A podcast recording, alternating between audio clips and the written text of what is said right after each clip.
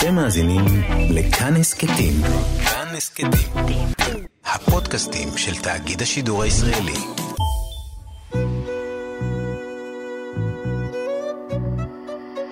ליסה פרץ משוחחת. שלום לכם מאזינות ומאזיני כאן תרבות.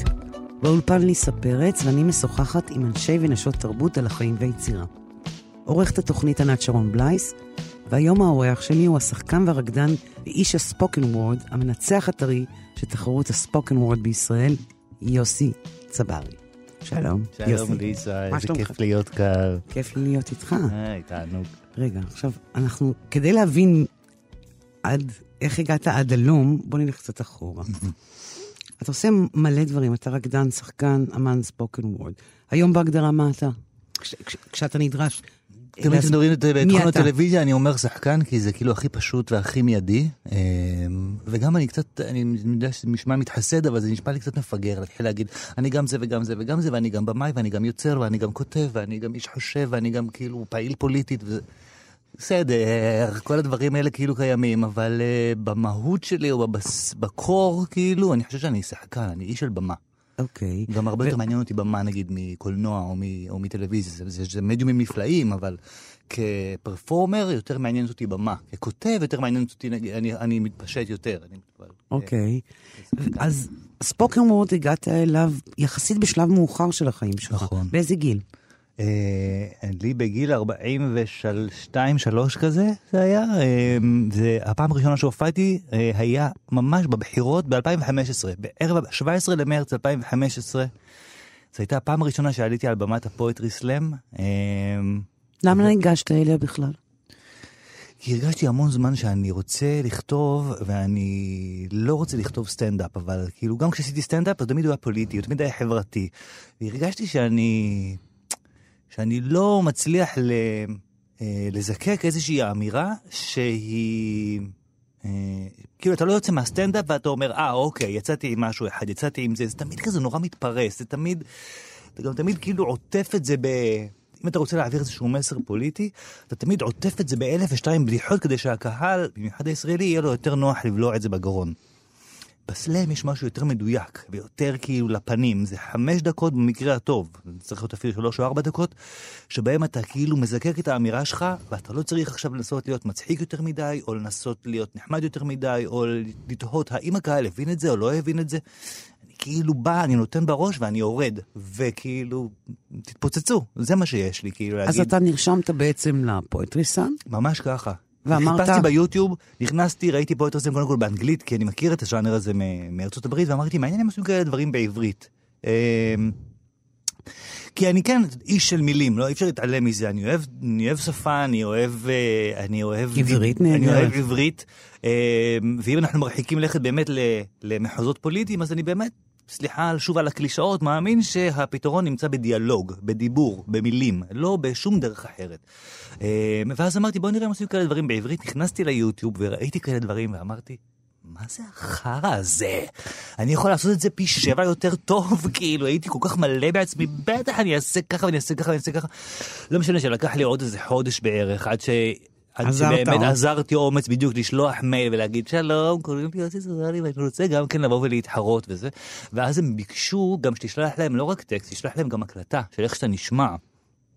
וזה נורא הרגיז אותי, כי ישר אמרתי, אה, ישר כאילו, כל השדים התעוררו, אה, הם בטח כאלה, הם בטח גזענים, הם בטח זה. אה, אמרתי, יאללה, בסדר, עשיתי להם איזה דקה, חצי דקה, דקה, ב- ב- כזה באייפון, ואז קיבלתי את הבשורה שאכן אני התקבלתי להתחרות ביום הזה והזה. המיידיות, הדבר הראשון שרציתי להגיד, ליסה, באמת, תשמעו, אני לא יכול ב-17, אני צריך עוד טיפה זמן, לא מתאים לי, גם יש בחירות, אני צריך לראות את תוצאות המדגם, מה אני עושה בלי תוצאות המדגם? אה, אבל, אה, אבל אמרתי, הנה, כאילו, קיבלת סימן, בוא נראה אם באמת יש לך ביצים כמו שאתה מדבר כל כך הרבה. בוא ת... ת... ועלית לבמה, עליתי והיה לך חומר מוכן? היה לי חומר מוכן, ולקחתי את המקום הראשון. עכשיו, המקום הראשון יש לו את הזכות לתת את המילה האחרונה, מה שנקרא, זאת אומרת, אחרי שנגמרת התחרות, המנצח עולה, מקבל את הפרס שלו, ועושה עוד קטע לפני, לפני האנשים. בעוונותיי לא הכנתי שלושה קטעים, הכנתי שניים, וגם את אלה הם עלו לי בדמים, כאילו, אז פשוט עליתי, קיבלתי את הפרס, אמרתם, תשמעו, אני נורא מודה לכם, לא הכנתי כלום. אני יכול לעשות לכם, כי אם אתם רוצים איזה שיר של לאה גולדברג, אבל... אה, אבל זה לא, זה לא כל כך התאים. אה, מה היה התוכן של הספוקן וורד הראשון שלך? אני הומו. ככה זה נפתח. השיר הראשון שכתבתי אי פעם בחיי, ואני מגלה אגב שזה משהו שהוא נכון כמעט לכל דבר שאני כותב, בין אם אני כותב פרוזה או דרמה או שירים, לא משנה מה. אה, ואני משער שאנשים כותבים, התחברו לזה גם, אתה כאילו צריך לחזור לאיזשהו מקום מאוד מאוד מאוד קוהרנטי וברור אצלך בפנים. נגיד, כל הקטעים הכי מצחיקים שלי הם כשאני מדבר על הילדות שלי, או על אימא שלי, או על התימניות שלי, או על הדברים שאני מכיר כאילו מה, מה, מהבסיס. כשאני חוזר אחורה לשעריה, לפתח תקווה, אני הכי מצחיק, אני הכי אותנטי. אה, כשאני מחפש על מה לכתוב, אני כאילו, אם אני לא משתבלל לתוך עצמי ו... ומוצא משם את החומר. מוצ... כן, אבל את, את, את את, את החוט הזה, את הסיב הזה האמיתי, אני, כאילו לא יצא שום דבר. לא יצא לי כלום. וניסית, נגיד, לברוח מחומרים בטח, אה, ביוגרפיים? בטח. זה היה פחות טוב? זה לא היה טוב בכלל. אני אגיד לך יותר מזה, שיחקתי באיזשהו סרט ש... אה, שהוצג בסינמטק, והבמאי אמר לי, מה דעתך, תעלה תעשה חמש דקות, שבע דקות לפני הסרט. אבל אני לא רוצה שזה יהיה פוליטי. הבמאי הוא במאי אה, ימני מאוד בדעותיו, ואני שמאלני מאוד בדעותיי, והוא אמר, בוא נעשה משהו כזה, אבל מגניב ומצחיק, ובוא נכתוב על הבית כנסת שלך, שהיית בו בתור ילד וזה. אמרתי לו, אוקיי, וכתבתי איזה משהו, הוא אמר לי, לא, לא, לא, לא, זה לא ידבר, בוא נמציא דברים. הוא המציא לי שם של מישהו אחר שהייתי בבית כנסת, והמציא לו הורים, והמצאנו סיטואציות, ועשיתי איזה שבע דקות. ליסה, יכולת לשמוע באמת כאילו סיכה נופלת, זה היה רע, זה היה נורא. למרות שכאילו זה היו חוויות שהן כן היו קרובות אליי, אבל זה לא אבל זה שלך. לא היה שלי. זה לא היה שלי, זה גם היה כאילו לקח, ניסינו כאילו לעשות איזשהו שעטנז, להכניס קצת חומרים ביוגרפיים וקצת fiction כאילו, וזה פשוט לא עבד בשום דרך. אני גם הרגשתי, הרגשתי גם בחזרות וגם על הבמה, את ה, את ה, אתה לא מחובר לדבר הזה, אתה לא... ולמה השיר הראשון זה אני הומו? למה בח- הבחירה הזו? מה היא אומרת לעולם? בדיוק בגלל השאלה הזאת. אני באותו זמן כבר היה לי סטנדאפ שקראתי לו סטנדאפ קווירי חושני. זה היה, זה היה, סטנדאפ קווירי חושני, שכבר מטבע הדברים אתה אומר אוקיי, מי שהקהל שהגיע לפה, אם הם לא יודעים מה זה קווירי הם לא יבואו בכלל, ואז כבר אתה כאילו, יש איזשהו אה, אה, הסכם לא כתוב ולא מדובר מבינים. שאתה עושה עם הקהל שלך. אתם יודעים למה אתם באים כשאתם באים לסטנדאפ שהוא נקרא סטנדאפ קווירי חושני, אוקיי? אה, ו... והיה לי חסר איזשהו קטע ש... שמסיים את הסטנדאפ הזה, כי כאילו, הרבה, הרבה בתוך הסטנדאפ היה על, לא על הומוסקסואליות, כמו על שונות, כמו על אוקיי. החירות. אוקיי. בין אם זה בגלל החטא והעין שלי, בין אם זה בגלל שאני נראה כמו שאני נראה, אבל אני שמאלני, שזה אנשים לא מבינים את זה בכלל. תכף נגיע לא מקובל עליהם. למורכבויות של האנשים. אז כל הדברים האלה, כאילו הרגשתי שאני צריך איכשהו בסופו של דבר לסכם את זה. ההופעה גם התחילה בזה של ערב טוב, אני יוסי ואני הומו. וזה כבר היה יוצר כאילו, זה היה יוצר איזושהי תשומת לב אחרת בקהל. אמ, ואז היה צריך לסיים את המופע איכשהו. ו... והוא- ואמרתי, איך אני מסיים את הדבר הזה? אחרי שדיברתי כל כך הרבה, וזה, ועל אימא שלי, ועל אבא שלי, ועל הבית כנסת, ועל מה זה אומר להיות כאילו בב- בב- בבוקר, בשבת בבוקר בבית כנסת ובשבת בערב בגן העצמאות, כאילו, על הפערים האלה. אמ, הייתי צריך איכשהו לסגור את זה, ואמרתי, ספוקן וורד, זאת הדרך לסגור את זה, זה תהיה, זאת תהיה, אנשים ילכו הביתה עם זה, עם מוזיקליות, עם חיוך, עם חומר למחשבה. אמרתי, אוקיי, ומה אתה רוצה להגיד בעצם? חוץ מזה שאתה הומו, כאילו, אמ, ואז משם התחילו הדברים לצאת, כאילו, נתחלת, כתבתי את שתי המילים האלה, אני הומו, בוא נראה עכשיו מה יוצא. וזה ממשיך, כאילו, אני הומו, שזה מה שאנשים קוראים, נושך כריות, מחדד עפרונות, מנקה ערובות, מנשק כיפות, מסדר גבות, חוקר יערות, חודר מנהרות, חובק עמודים, מפיל סבונים, מרחיב אופקים, וכולי וכולי.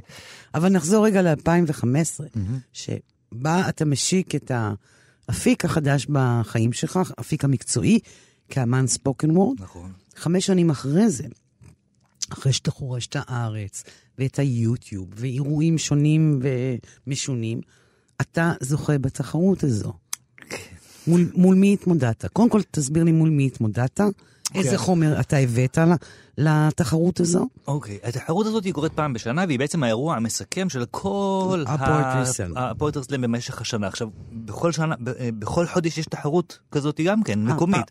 בתל אביב, בחיפה, בירושלים. אוקיי. אמ, ומי שזכאי להגיע לתחרות הסופית זה רק מי שניצח לפחות פעם אחת במהלך השנה. אוקיי. אוקיי? עכשיו, לא רק לא זאת, אף זאת. לפני התחרות הזאת יש כמו קדם אירוויזיון. אתה, אתה עולה, כל, כל, ה, כל המנצחים מגיעים, ואי אפשר שכולם י, אה, אה, יעלו לגמר, אז כאילו בוחרים מתוך התחרות, ה, מתוך הקדם בוחרים עוד שמונה אנשים, או את השמונה אנשים שכאילו היו... שבלטו. שבלטו בתוך, בתוך, ה, בתוך שרשרת המנצחים הזו. ואז אתה מגיע לגמר הגדול, שזה מעמד נורא נורא מרגש, כי זה בדרך כלל באולם הרבה יותר גדול, זה נגיד באחת השנים זה היה באנגר 11, זה כאילו 2,500 איש. וואי וואי. מתי אוקיי. לאחרונה, כאילו, אני שיחקתי בכל התיאטראות בארץ, מעולם לא, פעם אחת, אוקיי, שיחקנו בסין, וגם שיחקנו כאילו בתיאטרון הביצה, התיאטרון העצום הזה במרכז בייג'ין, ושם שיחקנו, לא יודע כמה, יש שם 900 איש או 1,000 איש נכנסים באולם הזה, כאילו, אני לא בטוח שנכנסים פה 2,500. כלומר, יש המון קהל, 500 אנשים. יש קהל בישראל לדבר הזה. ממש, זה היה משוגע. הדבר הראשון שנכנסתי, אמרתי, אוקיי, עזבו, לא אכפת לי פה אני חייב לעשות אה, סלפי. לא מפגרת, עשיתי סלפי עם כל הקהל. סלפקי אוסקר. ואז, אה, ואז, כאילו כל שנה הופעתי בסלאם הגדול, ומעולם לא זכיתי, כי תמיד, אה, אני לא יודע איכשהו, תמיד השירים שלו יהיו ארוכים מדי, אה, אני לא יודע, זה גם, אני לא בא, אני לא בא פה באמת... אה, אה, לה- להרגיש כאילו מקופח או משהו כזה. אנשים, יש, יש הרבה אנשים טובים, ואנשים אנשים שכותבים, ו, ואתה יכול, נגיד הקהל הירושלמי באופן ספציפי, לשירים שלי פחות מתחבר. כי? קהל, אני לא יודע להגיד את זה, אולי כי הקהל בירושלים הוא טיפה יותר שמרני מהקהל בתל אביב, והקהל... חיפה. חיפה מתים עליי. בחיפה מתים עליי, כנראה שבגלל שיש קהל טיפה יותר מעורב אולי. תל אביב? שלי... תל אביב זה, זה הבית שלי. אבל תל אביב, אני אגיד לך את האמת, ליסה, זה קצת... זה קצת preaching to the choir, כאילו, כי אתה בתל אביב, אתה באמת מרגיש בתוך, בתוך השטח שלך. אני, כשאני, תמיד כשאני בוחן חומרים, אה, לאו דווקא לספוקן וורד, מדבר על סטנדאפ יותר וזה, אז אני, אז אני מחפש אנשים שמוכנים לשמוע אותי, לא, לא אנשים פרטיים. יש לי חבר נורא טוב, עורך דין, שהזמין אותי אליו הביתה, הוא אמר לי, תשמע, שמעתי שאתה בוחן חומרים, אני את- היום בערב עושה אצלי בבית אה, על האש, וי- ויהיו 40 חברים שלי. בוא תתנסה. בוא תעשה. עכשיו, אני הגעתי, זה היה פתח תקווה, הגעתי, זה היה יום חמישי בערב, אני מגיע מתל אביב עם ה-car to go, אסור פרסומת, סליחה. אוקיי, הגיע שם בעשר הערב, אומרים לי כאילו, אה, כן, אתה כבר עולה, שחר קוראים לו, אתה כבר עולה, אתה כבר עולה. אני מגיע אליו הביתה, זה בית פרטי של עורך דין כזה נורא נורא מצליח, הגברים בצד, הנשים בצד אחד, לא בגלל שיש הפרדה, בגלל שהגברים מדברים על כדורגל, והנשים מדברות על, אה, לא יודע מה, על קניות וחיתולים. זה היה כל כך, כאילו ההפרדה המגדרית הייתה כל כך ברורה, כולם כיפות סרוגות, ואז הוא גם אומר לי, אה, שכולם תומכים בבנט. אני, mind you, סיפרתי לך לפני שהמופע שלי מתחיל בערב טוב, קוראים לי יוסי ואני הומו, וכאילו, והוא נגמר ב spoken word על ההומו. ואני מזכיר שם את מירי רגב, אני מזכיר את הפליטים, אני מזכיר את זה. עכשיו, אני עומד שם 40 דקות, ואף אחד לא מניד עפעף, ולא אפילו מעוות את פיו בהתחלה של חיוך, כאילו. איזה חלום בלהות. אני עומד שם 40 דקות ואני נותן את החומרים הכי טובים וכלום. אבל, אחרי 40 דקות אני אומר להם תודה רבה. הייתם נורא נחמדים, לא חושב שלמדתי משהו מאיזה בדיחות שלי עובדות או לא עובדות, אבל תודה שהקשבתם לי. התחיל מבול של שאלות. החל. ב... החל ב... מי האבא ומי האימא של הילד שייוולדו לך בהמשך ה... down the road מה שנקרא, וכלה ב... אתה יודע מה זה אומר כאילו לגור בבית, בבניין אחד עם פליטים מאריתריאה? אתה פעם השתינו לך בכניסה לזה, מאיפה אתה יפה הנפש שמסוגל לדבר איתי על פליטים? שעתיים וחצי של דיאלוג, שבסופו הגענו למסקנה שלא צריך לגרש 100% מהפליטים, אפשר לגרש רק 80%. אמרתי להם, תראו איזה יופי, כבר הגענו למסקנה ש-20% צריכים להישאר. מה היה קורה אם היינו מדברים עכשיו שלושה ימים, או שלושה שבועות, או שלושה חודשים? עוד אולי היינו אחוזים. מצליחים עוד אחוזים. ולא רק אחוזים, אולי היינו מצליחים להגיע לעוד הסכמות ולעוד... אז אני אומר, המטרה שלי, המטרה שלי ב, ב, במופע הזה, בספוקן וורד, בכתיבה שלי, היא להצליח להגיע לאנשים שלא חושבים כמוני, לא, התל לא המיליה התל אביבי אז איך שמאלני בכל זאת, הלבן. עם איזה חומר ניצחת את התחרות הזו? ועשיתי, אמ, עשיתי, לא עשיתי לעצמי הנחות. הלכתי קודם כל על חומר אחד שנקרא... וגם, אני רק רוצה להכניס הערה לפני שאתה כן. משיב לי, שלא ניצחת, זה לא תסכל אותך שלא ניצחת? מה זאת אומרת לא ניצחתי? לא, אמרת לי שלאורך השנה הזו לא... לא, לא, ניצחתי פעם אחת. פעם כאילו. אחת. אם זה לא תסכל אותי, אמ, לא. לא, שוב, אני לא רוצה להישמע, אה, לא רוצה להישמע כאילו בסייד מייסלס, אבל, אבל, אתה לא, אתה, אבל אתה לא באמת הולך בשביל לנצח. אתה הולך, ב- לא, לא במעמד שבו אני נמצא, אוקיי? אוקיי. אני הוצאתי ספר, ויש לי הופעות. ומזמינים אותי, ובתיאטרון, אני לא עושה את זה בשביל כאילו, אה, שעוד... אה, קבוצה של, לא יודע, באמת, של חיילים שהגיעו לראות את הזה, יגידו, וואי, יוסי צברי אותך, אנחנו רוצים... לא, זה לא מעניין אותי, אני כאילו, להפך. אני חושב שאני בא לבדוק חומרים, אני בא להגיד מה שאני רוצה להגיד. אני הופעתי, עשינו, הערב שנה שעברה היה באופרה, אה, במשכן אומנויות, ואני עשיתי קטע שנקרא להשוות או לא להשוות, שזה קטע אה, שמאלני כמעט רדיקלי, מה שאנשים אוהבים לקרוא, אה, שלא לא מחליק לאף אחד בגרון, גם לא לשמאל הציוני, אגב. ואני התעקשתי לעשות את זה ביום של התחרות הכי גדולה של הפואטרי סלאם בישראל, ועליתי לסיבוב השני, ואנשים צועקים לי בערב הזה, עוכר ישראל, איך אתה לא מתבייש להגיד כאלה דברים בערב כזה. לא, אני לא. אני, אני לא, לא יודע אם מותר לקלל, אני שם זין, ואני חושב שזה לקח לי הרבה זמן להגיע למקום הזה, זה לא תמיד הייתי כזה. לא תמיד הייתי כזה, אני בא ממקום מאוד תימני במובן הזה של אה, עופרה חזה, מאוד כזה חביב הקהל, אתה צריך להיות נחמד כל הזמן. תימני מאיפה שאני גדלתי בכל אופן, צריך להיות נחמד, צריך לבוא על ה... רגע נגיע לביוגרפיה. סליחה, כאילו, אבל הכוונה היא להיות... רגע, הביוגרפיה. מדגדגת לי. אבל להיות חביב, להיות נחמד, להיות... אה, אז אה, לא היית נחמד בתחרות? ופה, ולקח לי זמן להבין כאילו שמה פתאום אני צריך להיות נחמד למישהו, מה פתאום אני, אני לא, לא, לא הייתי נחמד בתחרות, בגלל זה בחרתי לעשות, יש לי מיליון ושניים קטעים שיכולתי לבחור. בחרתי לעשות את להשוות או לא להשוות, שזה קטע, חריף. השנה בחרתי את אומנות לא משנה מציאות, שזה קטע שנכתב בעקבות סערת דארין טאטור וכולי. רגע, ועם זה ניצחת? עם זה ניצחתי. בוא, בוא תעשה לי את הקטע. רגע, אני- בטוח שמאזינייך כולם יודעים מי זו דארין טאטור. כמובן, אמ, המשוררת. אני עשיתי את הקטע הזה גם בבאר שבע, ושם אף אחד לא, לא הכיר אותה. אני עליתי לבמה אחרי שגמרתי את הקטע ושאלתי אותם מי מכיר את השם הזה דארין טאטור, אף אחד לא הצביע, נאלצתי ממש להסביר להם. אז בוא תסביר בקצרה, רק אה, דארין טאטור. משוררת שנעצרה למשך שנתיים, אני חושבת במשך שנתיים, שנתיים במעצר בית על אה, פוסט שהיא פרסמה, אה, שבו היא, היא פרסמה שיר שמיד כמובן שייכו אותו לזה שהיא מעודדת טרור, כי זה בא בליווי של יוטיובים כזה שרואים כל מיני שבאב זורקים אבנים וכולי. והבחורה הזאת היום היא כבר לא, ב, היום היא כבר לא בכלא, אבל... אה, היא ממשיכה לכתוב, ועינת עינת ויצמן עובדת איתה הרבה, ולוקחת חומרים שלה והוצאה ומייצרת מזה, כאילו, מחזה. בדיוק. אז אני כתבתי קטע שנקרא אומנות לא משנה מציאות, והוא הולך ככה. אומנות לא משנה מציאות. המציאות עולה על כל דמיון. היא חזקה לאין שיעור מכל מיצג, מכל ציור, מכל סרט, שיר, סיפור. אומנות לא משנה מציאות. כל עוד את לא דארין טאטור. אם זהו שמך, האומנות ועוד איך תשנה את מציאות קיומך, ובהבל יצירה תהפכי מאומנית לאסירה. אומנות לא משנה מציאות. אומנות או אומנים לא ממש משנים, לא מניעים מהלכים או מובילים מהפכות, ואף ממשל עוד לא נפל בגלל פסטיבל סרטי נכבה מהרצועה, או שלנה דל ריי ביטלה הופעה. אומנות לא משנה מציאות. כסף, כן.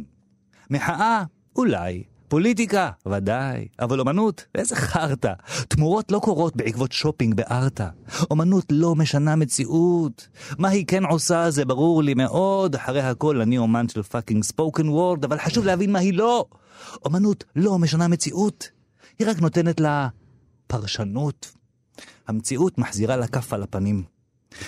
אז ממה חוששים בחלונות הגבוהים? אמנות לא משנה מציאות, היא רק בידור להמונים, אף אחד לא מת מקצת לחם ושעשועים, ומן המפורסמות שאם אין לחם יאכלו מחברות מהכלא. שזה היה מופע שבו שחקנים קראו מכתבים של אסירים ביטחוניים. בסוף אותו ערב מקסים שוחררו מהכלא אף אסיר. אמנות לא משנה מציאות.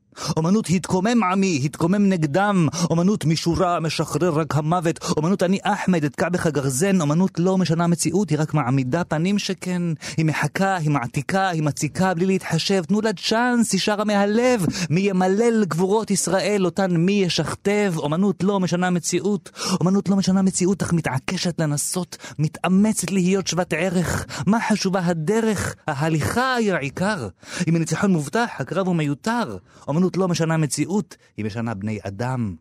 יש לה ים סבלנות, היא איננה ממהרת, הכלבים נובחים והשירה עוברת, צעד לאחור ואז קדימה שניים, אבנים שחקו מים, ובינתיים רף העצבנות של הממונים על המציאות עולה בחדות. יש לרסן את מדם אומנות, בתקיפות, אם צריך באלימות, שלא תהיה התקוממות. אין מקום לסלחנות, לפשרה או חמלה, היום זאת אצבע בעין, מחר היד כולה. אומנות לא משנה מציאות, אבל היא עלולה. אמנות לא משנה מציאות, לא מתעייפת בקלות.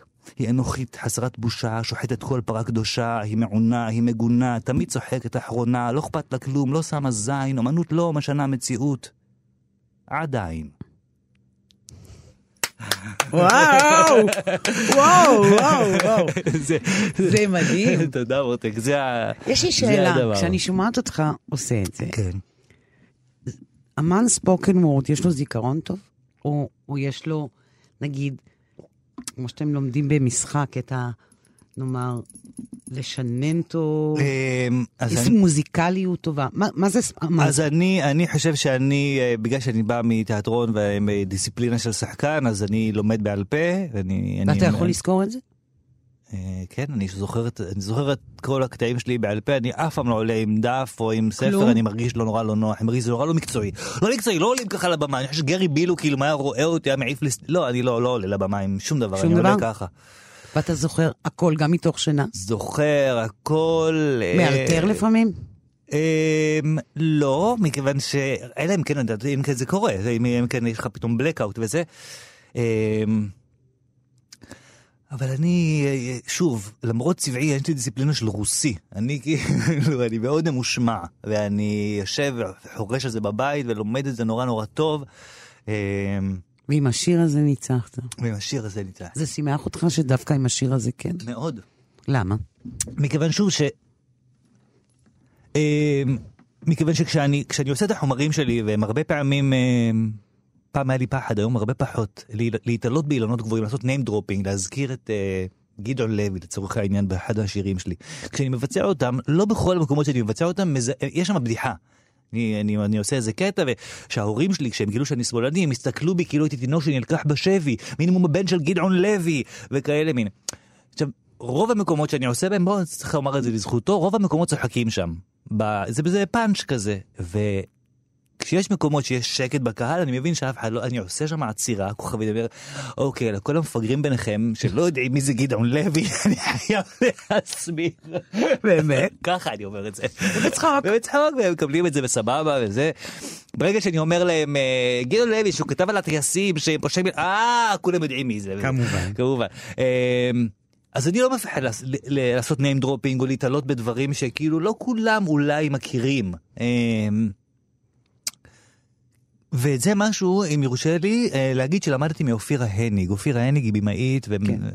שאני עובד איתה כבר שנים, אנחנו עושים בעיקר הצגות שמופיעות בחו"ל, ופעם אמרתי לה, אבל אופירה, כאילו, יש לה הצגות, אני יושב בהצגה, ואני רוא- אני שחקן בתוך ההצגה, ואני לא מבין מה היא רוצה, כי לוקח לי זמן.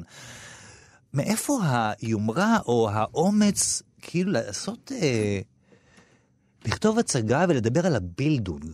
זה מונח שמעטים מכירים, זה מה זה מונח בילדונג? גרמני שמדבר על, אה, על איזושהי, כמו, על איזושהי רוח אה, גרמנית, לא משנה, כי לא ניכנס לזה, אבל מאיפה את כותבת, או, או, או, או להשתמש, ב, להשתמש ב, במסות של סוזן זונטג, או כל מיני כאלה שאנשים לא ממש מכירים את האנשים האלה, אבל את כאילו, ואת דורשת גם לקנות כרטיס בשביל להביא, לראות ומה כמה אופירה שהם ענתה מפגרים. לך? ואופירה אומרת, תשמע יוסי, אני עושה תיאטרון, אני כן, אני האף שלי למעלה, אני עושה תיאטרון שהוא אליטיסטי, אני, עושה תיאט... אני רוצה לנסות לדבר לאנשים שמדברים את השפה שלי גם כן. אני לא יכולה לפנות לכולם. אם אני פונה לכולם, אני ערוץ 2. אני פונה למי שנראה לי ש... כן, שמי ואת זה למדת ממנה. את זה למדתי ממנה. אז אני אומר כאילו, כן, אז אני כותב דארין טאטור, גם אם אנשים לא יבינו מי זו דארין טאטור. כולי תקווה שבסוף השיר הם יבינו את המשמעות שלו, גם אם הם לא יבינו מי זאת הבחורה הזאת. כולי תקווה שהם יבינו, מי, אה, שהם יבינו מה אני מנסה להעביר להם בשיר על, אה, על, על השמאלני שהפכתי להיות, גם אם לא יודעים מי זה גדעון לוי. ליסה פרץ משוחחת. איתי בתוכנית יוסי צברי. תגיד, איפה גדלת? וואו. איפה נולדת וגדלת? אני גדלתי בשעריה, שזו שכונה של תימנים בפאתי פתח תקווה. אה, לא שעריים, שעריים זה ברחובות, תמיד אנשים מתבלבלים. שערים. לא יודע מה יש- לא יודע מה יש לתימנים עם שער ואלוהים. ש- חייב להיות עין בשם השכונה. יש מחנה יהודה בפתח תקווה ויש כאילו שעריה.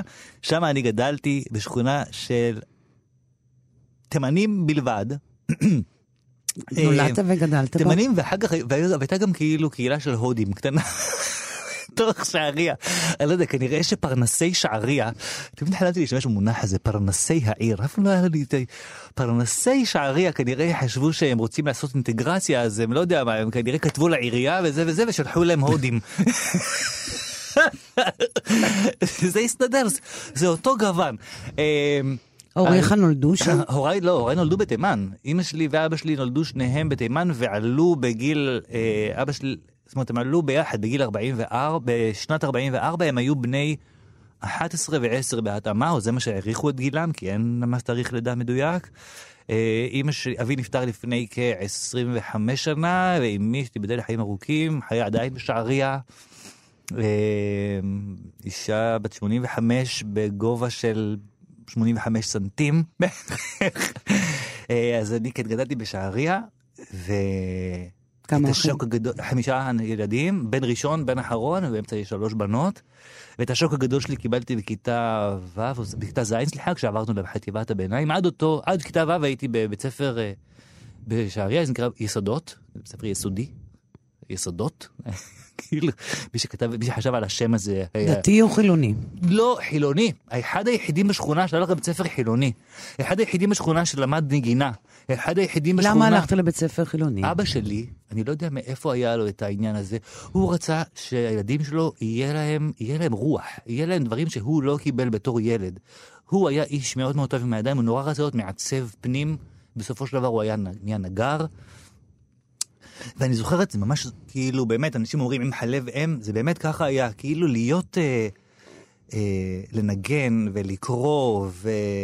ולרקוד, לעשות דברים כאלה, זה כאילו משהו שאשכרה חינכו אותנו. אנחנו כולנו למדנו נגינה באיזשהו שלב, האחיות שלי למדו אקורדיון, כשגילו שאין כישרון שם יותר מדי, אז רק אחת מהן נשארה, ועד היום היא הפכה להיות מורה למוזיקה, היום היא כבר מנהלת של בית ספר וכאלה, מין. כאילו, אחותי הקטנה ואני, אחותי האמצעית, ענת, נפטרה גם כן, אה, אז היא, אה, היא רקדה סטפס. מי, איזה, והיא הייתה שחורה כמוני, איזה ילדה בשנות ה-80 בפתח תקווה רוקדת סטפס, כאילו, את מבינה? זה משהו ואתה אחר כך בתורך. וגם בגיל, היא הייתה בת, אה, היא הייתה בת 24, אני הייתי בן 14, כאילו, היא הייתה אחרי הצבא ואחרי הטיול של הצבא, והיא החליטה שהיא רוצה ללמוד סטפס פתאום. ואני ראיתי אותה ואמרתי, גם אני רוצה סטפס. זה אם יותר מסובך מזה, אם אין לנו זמן לספר לך, אבל... כאילו, מי עושה דברים כאלה? איזה ילד תימני הולך ללמוד נגינה על קלרינט ומנגן קלייזמר חסידי כאילו וכל מיני כאלה, זה היה רחוק ממני כרחוק מזרח ממערב. ובכל זאת, אבא שלי ממש התעקש. אני התחלתי באורגן, ואז גילו שהוא ילד מוזיקלי, וה, והמורה אמר, עזוב, אורגן זה בקטנה, תשלח אותו ללמוד משהו אחר. בדקו, עשו לי בדיקות נשימה ונשיפה, לראות שאני יכול. והלכתי ללמוד קלרינט, שזה היה סיוט של החיים שלי, בכלל לא רציתי את זה. אמ, אז כאילו אומנות ו... בתרבות. ותרבות זה היה משהו שכאילו, הוא היה ממש הכרחי. אמא שלי, אמא שלי, כשהייתה כועסת עליי וצועקת עליי, כאילו, הייתה מכריחה אותי לשבת ולקרוא. עכשיו, זה לא, שאת, זה לא כמו שאתה מדמיין, כאילו, ילד שלא אוהב לקרוא ומכריחים אותו, אני גם באמת אהבתי את זה. אני הגעתי לכיתה, אני למדתי אצל המורי, ב- עוד לפני הבית ספר, אני הגעתי לכיתה א', ליסה, קורא, בלי ניקוד, הפוך גם. כאילו, כי למדת אצל כי המורי. למדתי אצל המורי. למה שלחו אותך למורי? כי זה מה שעושים ילדים תימנים, הולכים ללמוד אצל המורי, אני לא צריך לחכות לבר מצווה בשביל לעלות לתורה, אני עליתי לתורה עוד לפני כן, ויש מה שנקרא מתרג'ם, שזה כאילו, בשבת כשאתה עולה לתורה, אז בין פסוק לפסוק, יש uh, תרגום של אותו פסוק לארמית. וזה בזמן הזה הח- החזן מסביר למי שעומד על עולי התורה איך אומרים את הפסוק, אומר בשקט, ובינתיים אחד הילדים מתרגם את כל הפורשו ל- לארמית. אוקיי. אז כאילו את עושה פסוק בעברית ואני פסוק בארמית. ארמית. פסוק בעברית, פסוק בארמית, ככה זה קורה. ו... ואתה כאילו הגעת כבר כבר בתור לכיתה- ילד, אוקיי. הי- הייתי בסוג של אה, על במה. אתה, אתה עושה את זה. אתה, אתה עולה לבמה, אתה נשאר שם, אתה חצי שעה, שלושת רבעי שעה שהפרשה נגמרת, אתה על הבמה. ו... אבל זה גם, גם אה, דילוג בין קודש לחול, מה שאתה מספר. נכון, זה גם דילוג בין קודש לחול, נכון מאוד. אה, ולמה, אבל... והוריך בחטיבת הביניים, מה הם מחליטים לעשות איתך?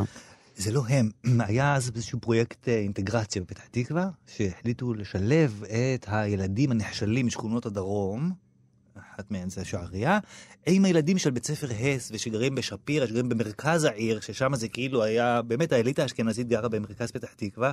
אה, והגעתי לחטיבת הביניים בן צבי. אה, בבת אחת הלימודים, הידרדרתי בלימודים באמת, כאילו, עכשיו לא הייתי היחיד, אה, היינו, כל מי שהגיע מבית ספר, מהבית ספר הידרדר בלימודים בבת אחת. אה, כל ה... אה, כל ההתנהלות שלנו בחברה הזאת הייתה פתאום אחרת. אני פעם ראשונה הייתי, אה, פעם ראשונה הייתי בסוג של, באמת בהלם, כאילו, לא, אני הייתי לא ילד שכל, הייתי ילד כאילו שלא מפסיק לדבר, שלא סותם את הפה, כאילו. הגעתי לכיתה ז', ברעידות, אני קיבלתי במבחן בתנ"ך 57, במבחן בתנ"ך, ליסה, שאני כאילו... ואיך אתה מסביר את ההידרדרות הזו? אני הייתי מבוהל. א', באמת, ס- הרמה של הבית ספר הייתה שונה. ילדים שבאו מבית ספר הס הייתה להם רמה הרבה יותר גבוהה מאשר ילדים שבאו מבית ספר יסודות, אין מה לעשות. זה, אתה יודע, מאוד אה, חד וחלק. מאוד חד ערכי הסיפור הזה. אה, ואז גם, אז גם הבדלים ברמה היו.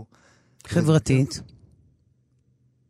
אני הרגשתי, אני, אני לא, לא חושב שהייתי נכשל כמו שהרגשתי נכשל, כאילו, אני לא חושב שבאמת היו כאלה הבדלי uh, מעמדות גבוהים, אבל הייתה לי איזושהי תחושה כזאת, אני זוכר שהלכתי לבקר במסיבת כיתה הראשונה, היינו בפנטהאוז של מישהי, שיש להם כלב דוברמן בבית, ויש מלא עציצים וזה וזה, אני זוכר כאילו את ההתנהלות שלה עם ההורים שלה, ואני...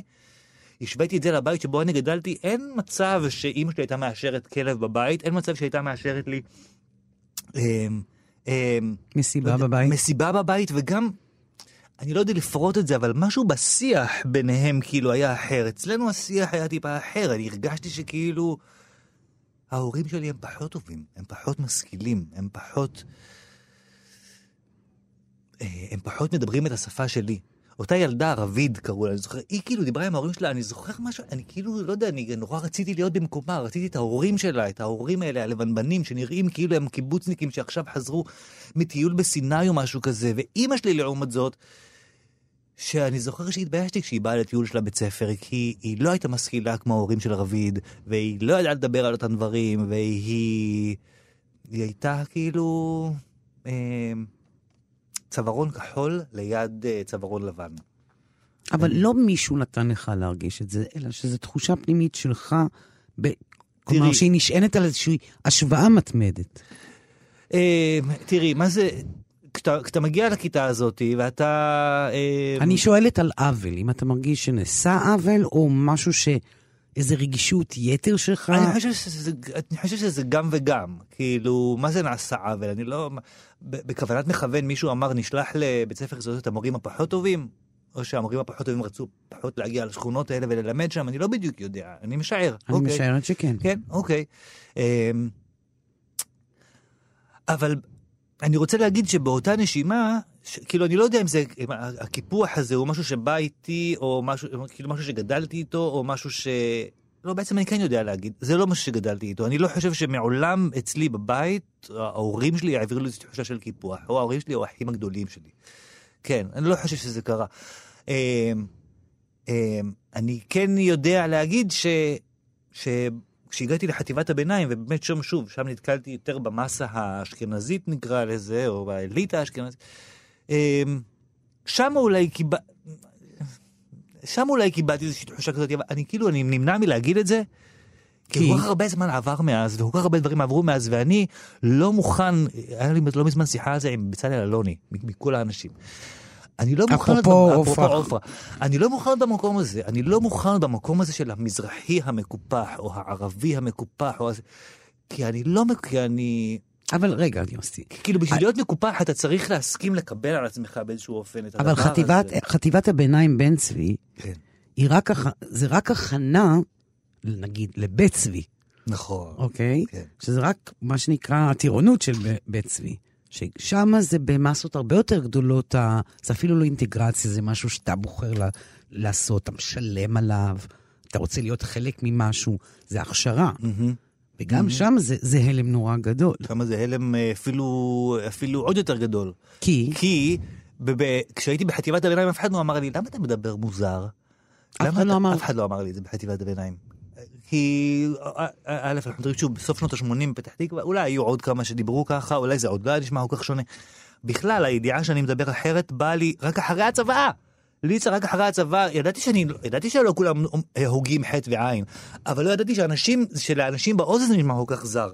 זאת אומרת, זה שאנשים באו אליי ואמרו לי, למה אתה מדבר מוזר? כאילו זה, מה, בעולם לא שמעתם מישהו שמדבר כמוני?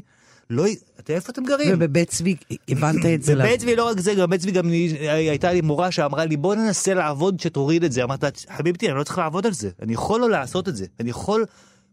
יש לי את הצלילים, יש לי את החטא, את הכף ואת האלף, אבל יש לי גם את הצלילים האלה, מה את רוצה עכשיו שאני כאילו אוריד לעצמי שתי אצבעות? את אומרת לי, תראה יוסי, לכולם יש שמונה אצבעות, בוא גם אתה יהיו לך שמונה אצבעות, אבל יש עשר אצבעות. ואמרת לה את זה ליד ככה אנשים, אמרתי לה את זה. ליד התלמידים, לא, לבד. זה היה, זה היה לבד. לא, לא היה לי אז את הביצים עד זה גם, גם הסיטואציה לא הייתה עם שאר התלמידים, זה היה כאילו בשיעורים של, ממש שיעורי פיתוח קול של אחד על אחד, בשנה ב' אני זוכר זה היה. והתעקשת על זה? ועוד איך. אמרתי, שמע, אם יבוא במאי ויגיד לי, יוסי, זה נשמע לי נורא זר באוזן, אני רוצה, זה אנסמבל, אני צריך שתישמע כמו כולם, וזה וזה, וואלה, אני יכול לבדוק לפחות את האופציה ולהסכים או לא להסכים. אבל להגיד לי, אפריורית כאילו, תוריד את זה, אני לא מוכן שתדבר ככה? מישהו פעם חשב לבוא ולהגיד ליבגניה דודינה, תפסיקי לדבר עם המבטא הרוסי שלך, זה נשמע לנו זר באוזן? מישהו חשב להגיד את זה ל... אני לא יודע מה, למרים זוהר? מישהו חשב להגיד את זה לחזקי הגדול ז"ל, כאילו, מישהו חשב להגיד לאנשים האלה את זה? לא. לעומת זאת, כאילו, יוסי צבר, יושב תנסה לעבוד על להוריד, לא צריך לעבוד על זה, אתם רוצים, אני אוריד את האוקטבה הזאת מהנגינה שלי, אני יכול להשתמש רק בשש, שבע אוקטבה, לא צריך את כל... אבל אני לא רוצה. אני לא רוצה. זה כבר אמירה, בתוך בטח, בית ספר. בטח. וגרי, בטח. איך הוא התייחס גרי, לזה? גרי אהב אותי נורא, אה, לשמחתי. אה, כי הוא זיהה מה? אה, אני חושב שהיה בו, אני, אני חושב שדווקא גרי ידע להעריך את העובדה הזאת, שיש פה מישהו, כאילו אני, אני גדלתי, אני הערצתי את דני קיי.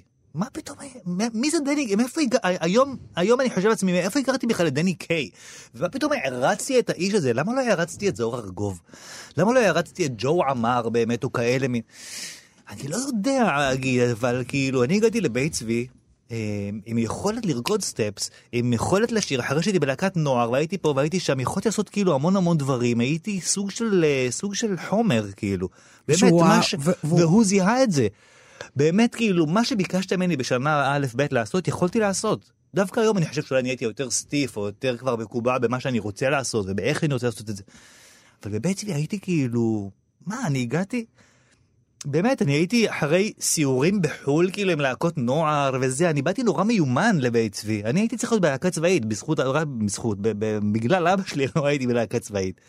אני הייתי כאילו, באמת, זה, הגעתי לבית צבי נורא נורא מיומן ומשומן כבר, אז אני חושב שגרי זיהה את זה. אז, אז נאמר, אם תוכל לדייק לי עוד, איפה כן חטפת את ההלם בבית צבי? חוץ מאותה מורה יש העובדה שמנסה... שאתה נכנס לבית צבי ואתה רואה אה, כל מיני כאלה בוגרים של אה, להקות צבאיות ותיאטרון צה"ל וזה וזה, ואני באמת באתי נורא נורא מבוהל. תחשבי, טלטלי יזהר כהן, פלטה בשיניים, חדשקונים, באמת כאילו, שכאילו רק, רק אה, אה, דוחים את האנשים, אפילו, כאילו, כאילו הוצאתי קוצים, אל תתקרבו אליי, מרוב שהייתי חסר ביטחון מול, מי, מול האנשים שראיתי. ואת רואה אנשים כמו מאיה דגן, כמו ענת מגן, כמו אילן פלד, כמו אנשים שהם, שהם שם, שהם כאילו, מה שנקרא, יש להם את הסטאר קווליטי, זה רק צריך קצת פוליש והם מוכנים לתיאטרון. אני נתקל באנשים כמו ציפי פינס וכל מיני אנשים כאלה שנורא פח... זה אנשים שאתה קורא עליהם בעיתון, זה, אתה, שוב, אני אומר, אני כאילו הגעתי ממקום מאוד, באמת מאוד פרובינציאלי, וגם חשיבה פרובינציאלית כזאת, של... בית צבי זה, זה מקום שבו אתה מתחיל להשתנות אה, לא רק, נגיד, אומנותית, גם פוליטית? מתי מתחיל? לא, לא, אני בא מבית, אני בא מבית, אה, אבא שלי העריץ את פרס, כאילו, אני בא מבית שמאלני. כן, אבל זה לא שמאל שאתה גדלת זה לא בו. שמאל, נכון. הלכת שמאלה, נכון, שמאלה, שמאלה, אני- שמאלה. אני, אה, אני לא יודע מה הלכתי שמאלה, שמאלה, שמאלה, שמאלה, כמו שנפתח לי הראש ונהייתי קצת יותר ליברל ו... אבל ו- מתי ו- זה ו- קורה? זה קורה הרבה יותר מאוחר, התודעה הפוליטית שלי הגיעה הרבה יותר מאוחר. כמו שיש אנשים, ש- יודע, כמו אה, ספר הזוהר, שאתה יכול להתעסק בו רק מגיל 40 ואילך, אני חושב שהתודעה הפוליטית שלי התפתחה בגיל, אה, באזור 35, 6, באזור... ולמה היא הייתה בעצם רדומה עד גיל 35? מה הלחש אותה לדעתך? הייתי עסוק בלבנות קריירה, אני חושב, אחד. כאילו, אתה יודע, נסעתי בעולם והייתי, אה, כאילו, גרתי בניו יורק ולמדתי בלט, וזה, כאילו, היה לי חשוב נורא לבנות לעצמי, אה, אה, לבנות לעצמי את הקריירה, ו...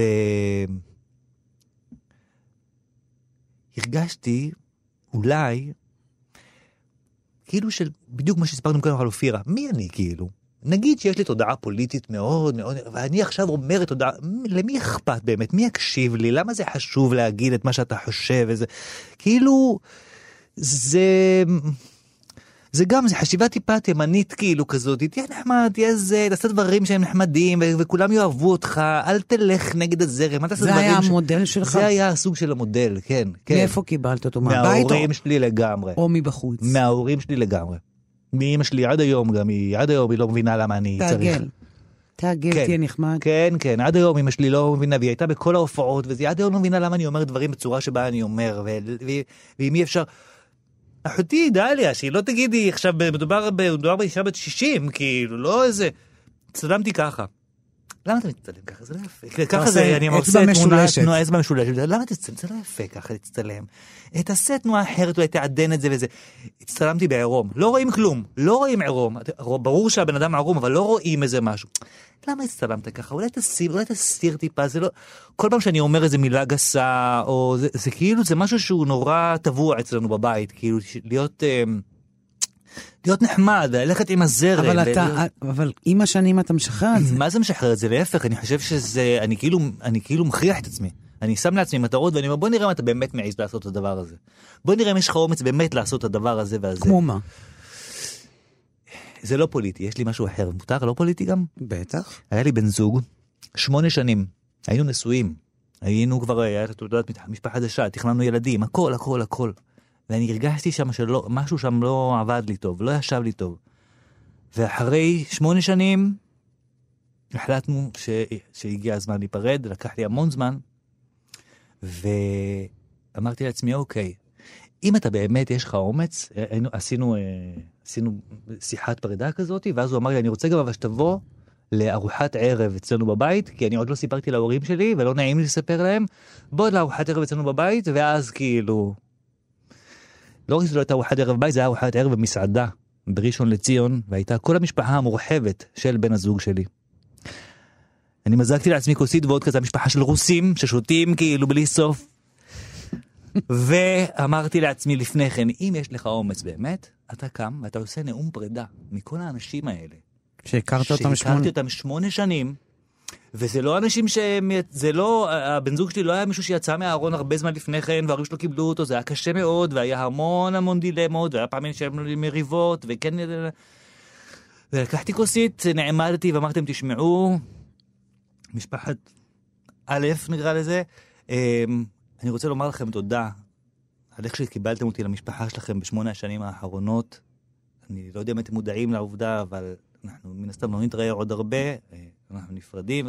ונשאתי שם נאום פרידה מאוד מאוד שלם, ואז הלך כאילו, יצאתי משמה, ואמרתי לעצמי, זה אחת הפעמים היחידות שאני מרשה, לעצמך, מרשה לך לטפוח לעצמך על השכם, כי? כי זה לא דבר שהוא, זה לא דבר טריוויאלי שאתה עושה דבר כזה, שאתה כאילו, ממש לא. שאתה נפרד ככה בצורה כזאת, ועוד באנשים שתמיד כאילו, זה תמיד היה awkward, אף פעם לא הייתי איתם כמו שאני יכול איתך פה עכשיו, יוסי, תמיד הייתי צריך להיות טיפה יותר אסוף, כאילו. אבל היום אתה לא אסוף.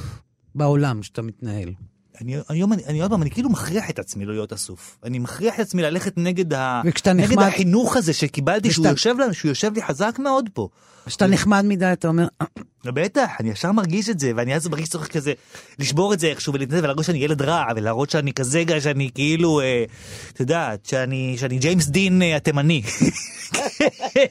לא. ינסה לה... כן. אז יצאת מהארון? אתה, מהארון יצאתי ממש ב, גם בבית צבי. בית צבי היה מסע רגשי מאוד מאוד גדול, אה, ש, שכאילו, ש, ז- זאת נקודת, זאת נקודת דרך מאוד מאוד חשובה. אם, אם אמרנו שהפוליטית הת, הת, הת, אה, התעצב אצלי באזור 35, אז האזור הרגשי, וה- יצא עשר שנים קודם, בגיל 25-6 כזה, שהייתי בבית צבי. עם כל הקושי אתה שמח שעברת שם? מה זאת אומרת? לא הייתי, הייתי חוזר על זה שוב. לגמרי. על בית צבי הייתי חוזר שוב, וגם הייתי לא, הייתי, אתה יודע, אני מקווה שהייתי לומד מהטעויות שלי.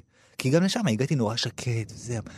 נו, אמא שלי תמיד אומרת את זה, אתה תהיה בשקט ותעבוד קשה, ישימו לב אליך. זה כאילו משהו ש... ואני האמנתי בזה. ובמשך המון המון זמן עשיתי תפקידי קורוס. וכאילו, אמרתי, אה, בסדר, ברור שאני יותר טוב מהזמה, מהליד, כאילו, אבל בסוף ישימו לב אליי. אמ, אני לא יכול להגיד שזה, שזה באמת אה, קיים במאה אחוז, שבסוף שמים לב אליך. אתה צריך לעשות, אתה צריך להתאמץ שישימו לב אליך, בטח בבית צבי. ומאז אה, אתה עושה, אתה גם משחק, נכון? רוקד, שר, מחזות. אחרי בית צבי אני עזבתי את הארץ אחרי שכבר כאילו היה לי קריירה פה ואני אני היחיד מהבית ספר שכאילו חתם על תוכנית טלוויזיה עוד לפני שהוא יצא מהבית ספר, זו תוכנית שאהרון צדוקס עשה ברשת וזה. כאילו אני הרגשתי שהחיים שלי אני ממש סוגה בשושנים ואז יצאתי מבית צבי ואחרי שכמה חודשים משהו פה לא, לא הסתדר לי כאילו אמרתי אני, אני כאילו לא יודע שאפתי ליותר.